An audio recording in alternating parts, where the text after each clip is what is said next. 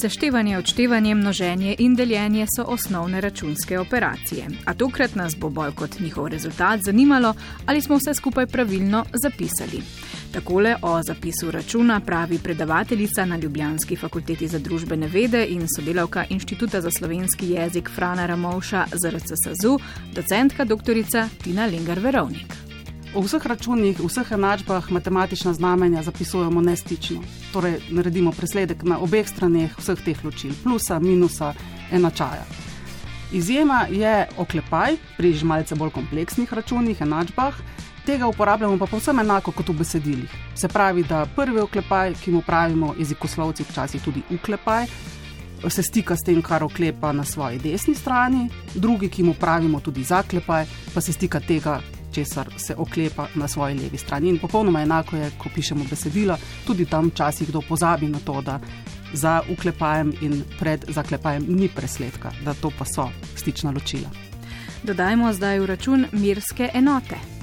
Ko sledijo številki, simboli za neko mersko enoto, lahko tudi kemijski element ali kaj drugega, je tam vmes vedno presledek. So pa same merske enote, torej to, kar številki sledi, že sestavljene iz več simbolov. Stopinja Celzija, recimo kilovatna ura, miliamper. V vseh teh primerih zapisujemo te simbole stično. Stično je naprimer tudi poševnica pri kilometru na uro, če ga napišemo kot km poševnica, h ali pa kadar je nadpisana številka pri kvadratnem metru, zaznamuje to besedo kvadratni, pa zapišemo m in potem nadpisani, uh, nadpisano številko dve, namesto tega, da razvežemo enoto v besede. Če govorimo o mirskih enotah, pa je potrebno omeniti eno izjemo in sicer kotne stopinje, minute in sekunde. V vseh teh primerih pišemo pa ta matematična znamenja, stično številko.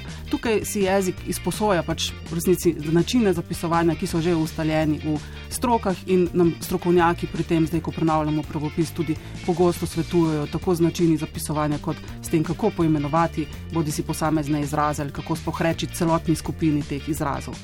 Drugače je zapisom denarnih enot vedno nestično številko in pri tem posebej pazimo še na to, da znamenje vedno sledi številki.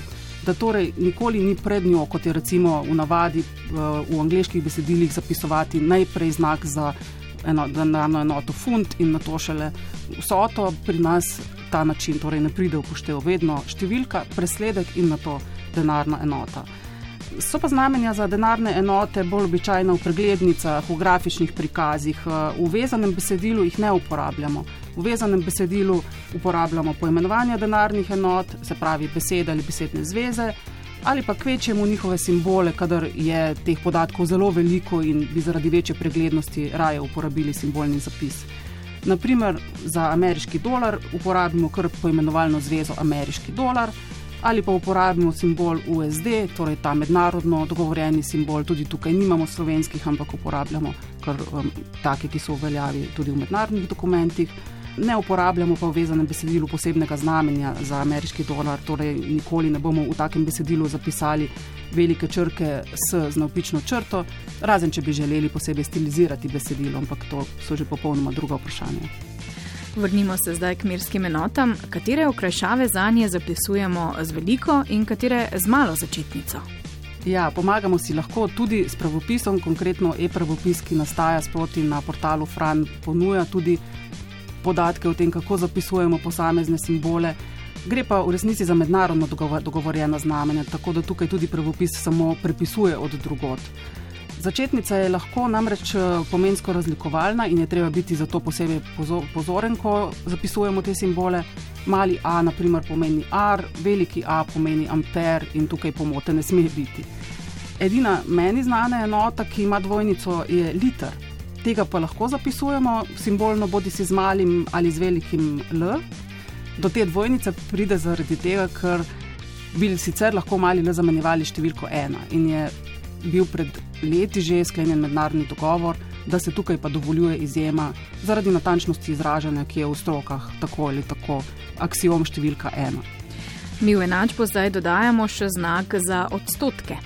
Zelo je pogost, srečujemo ga dnevno, zato tudi morda, nam vsem, ker nam je vsem bolj na očeh, se o njem tudi bolj pogosto sprašujemo, kako ga zapisovati.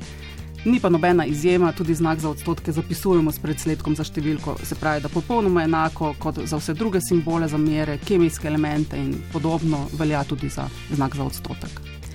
In če že govorimo o odstotkih, bo čas, da spregovorimo še o zapisu decimalnih števil. Tu bomo razrešili naslednjo dilemo: uporabiti vejico ali morda piko. V slovenščini decimalna števila zapisujemo stično vejico. To pomeni, da pred njo in za njo ni presledka. V tem primeru vejica ni skladensko ločilo, se pravi, ni jezikovno, jezikoslovno ločilo, ampak matematično znamenje, ki ga zapisujemo tako, kot je pač v navadi v stroki. Zapisovanje s piko je sicer mednarodno bolj uveljavljeno in ga mi srečujemo recimo na svojih elektronskih napravah, od mobilnih telefonov do žepnih kalkulatorjev. Zato je treba pa rabo decimalne vejice še posebej uzavestiti, predvsem v šolah, pa v oblastnem pisanju, v oblastni rabi jezika. Manjša slovenska posebnost je tudi ujemanje izraza cel z glavnim števnikom, ki stoji pred decimalno vejico. Te ne beremo vedno cela, kot marsikdo misli, ampak naprimer dve celi pet, torej se ta celi ujema s števnikom dve, tri cele sedem, spet ujemanje te cele s tri, osem celih devet. Cela preberemo pravzaprav samo pri števniku ena, naprimer ena cela štiri. To pa pomeni, da moramo biti pozorni tudi na sklon besede, ki sledi. Če sledi recimo enota kilogram ali pa meter, bomo vedno odgovarjali na vprašanje česa, torej 1,4 česa, metra, kilograma in katere koli druge enote, po torej, enakem principu. Torej ne kilogramov v metru. Ne kilogramov v metru, vedno vprašamo torej, vprašalnico česa in je tako lažje odgovoriti, če imamo seveda čas, da se na branje ali na govor pripravimo. Čeprav, kot smo izvedeli, pika ni primerna za zapis decimalnih številk, pa si vseeno lahko pomagamo z njo, ko so v igri številke. V teh primerih. Piko pa kot spet tehnično oziroma matematično znamenje uporabljamo, ko zaznamujemo tisočice od deset tisoč dalje. To je taka najpogostejša raba. V prenovljenem pravopisnem poglavju opisnih znamenjih te objavljamo na portalu Franži od leta 2019 dalje postopno in jih postopno tudi dajemo v javno razpravo. Smo predvideli, da v posebnih položajih, naprimer v preglednicah, in to je novost, torej tam, kjer je pričakovana enotnost zapisa, lahko pišemo piko tudi pri tisočicah, ki so nižje od 10 tisoč. Pravi ne samo od 10 tisoč dalje, ampak že pri 9999 in manj. Ampak take pike nikoli ne bomo zapisali v vezanih besedilih.